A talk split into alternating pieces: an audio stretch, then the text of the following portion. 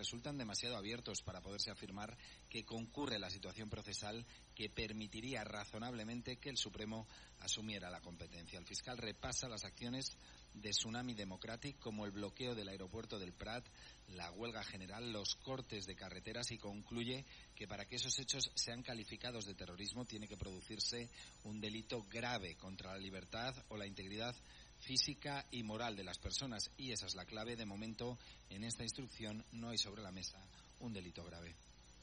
El cap li girava. Subministra energia i ara ens ajuden a produir-la! No! Doncs sí, i es diu autoconsum. Instal·lació, finançament i autoconsum compartit. Comunitats de veïns, unifamiliars i empreses. Benvinguts a la revolució energètica. Factorenergia.cat. Per fi hi ha un altre llum. Factor Energia. Empresa col·laboradora amb la Barcelona Equestrian Challenge. Busques una perruqueria que realment es preocupi per la salut del teu cabell? Amb productes 100% vegans. Núria Serratosa Perruquers. Perruqueria unisex i per a totes les edats. Núria Serratosa Perruquers. Amb un tracte familiar. Núria Serratosa Perruquers. El teu cabell t'ho agrairà. Reserva hora trucant al 93 874 43 64. Les Sabages 14, primer primera Manresa. Núria Serratosa Perruquers, perquè el teu cabell ens importa. Hora 14. Catalunya Central. Eli Pagant.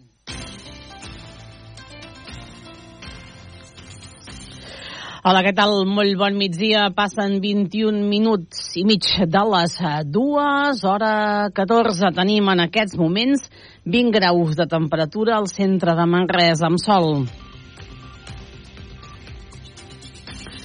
Demà serà dia de mobilitzacions de pagesos amb diverses sortides de tota la Catalunya central amb un punt concret a les 9 del matí a la discoteca antiga, discoteca Memphis de la comarca del Bages i a partir d'aquí començaran els diferents talls de carretera i és que la sequera que escanya els pagesos però també els ramaders. La sequera està acabant d'escanyar els pagesos i les restriccions imposades pel decret d'emergència els poden acabar de posar el peu al coll.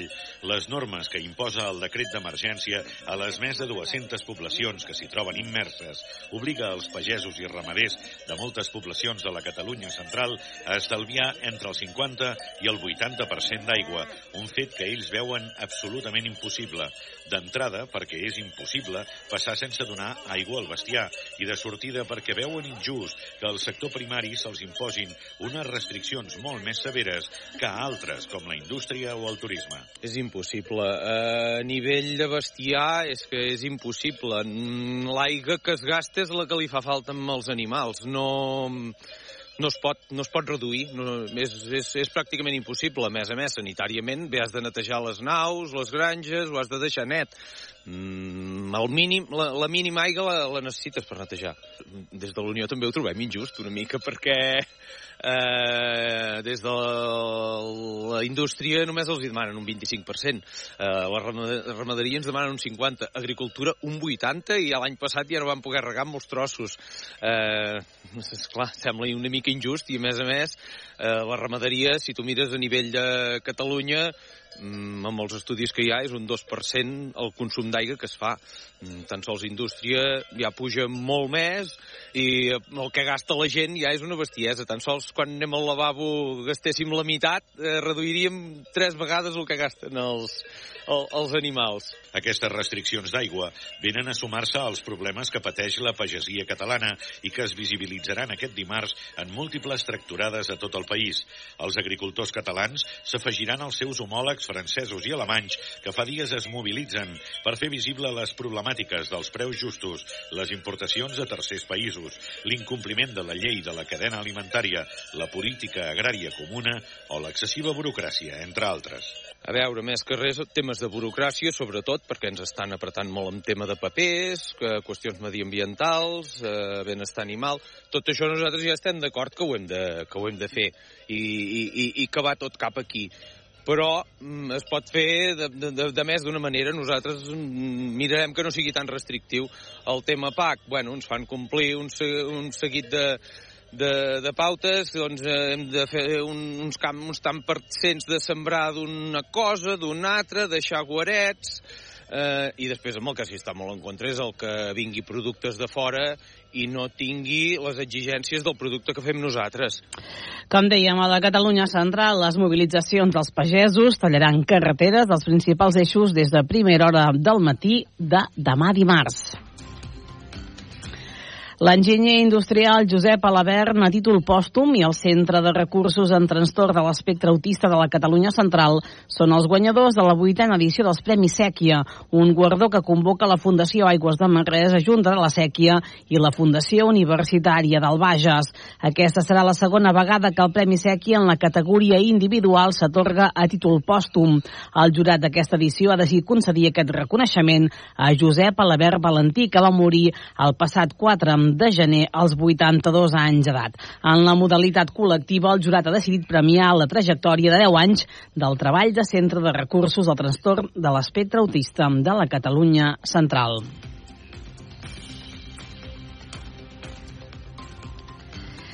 Sant Andreu Salut converteix l'antiga Casa Fàbregas de Manresa en 14 pisos per a gent gran. Es van ensenyar aquest dissabte. Els nous pisos de Sant Andreu Salut, ubicats a l'antiga Casa Fàbregas, van obrir les portes aquest dissabte. Uns habitatges creats expressament perquè hi visquin persones grans i ho facin de forma activa i autònoma.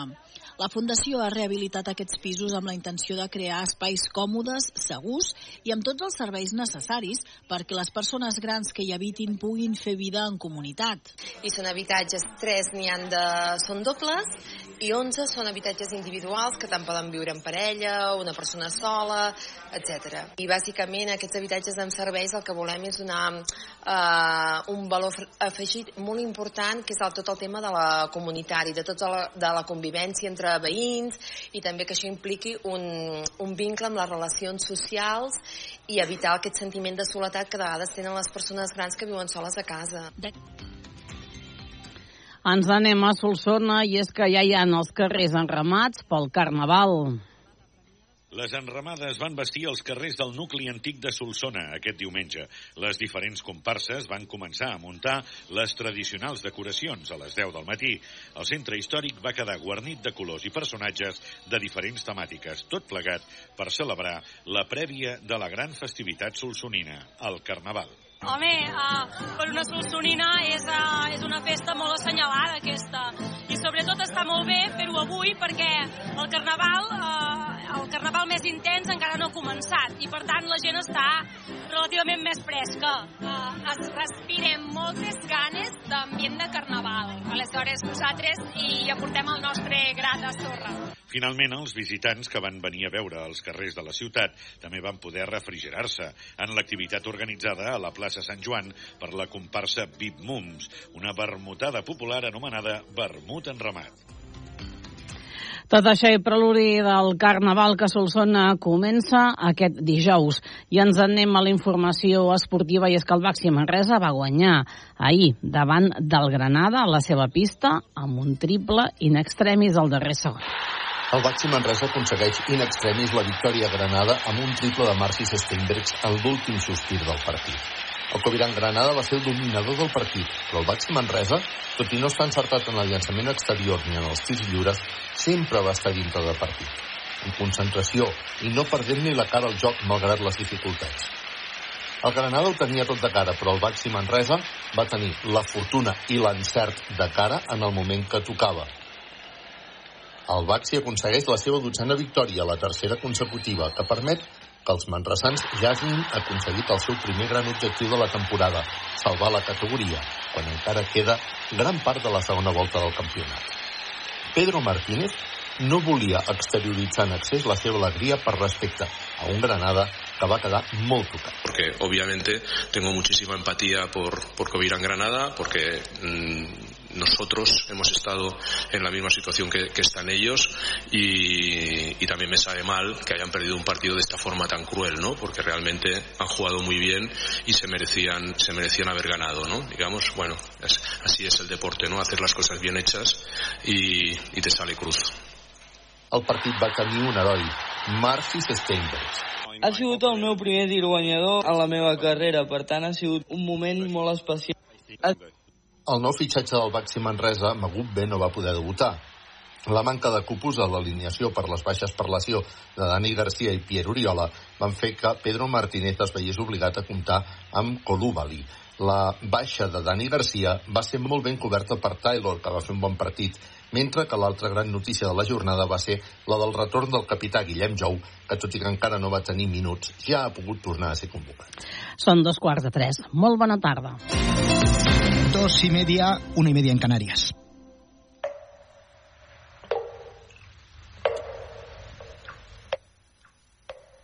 por estas tuberías que conducen el agua, por esta red que eh, en algunos municipios supera el siglo de vida, se pierden cada día cerca de 40 litros por habitante.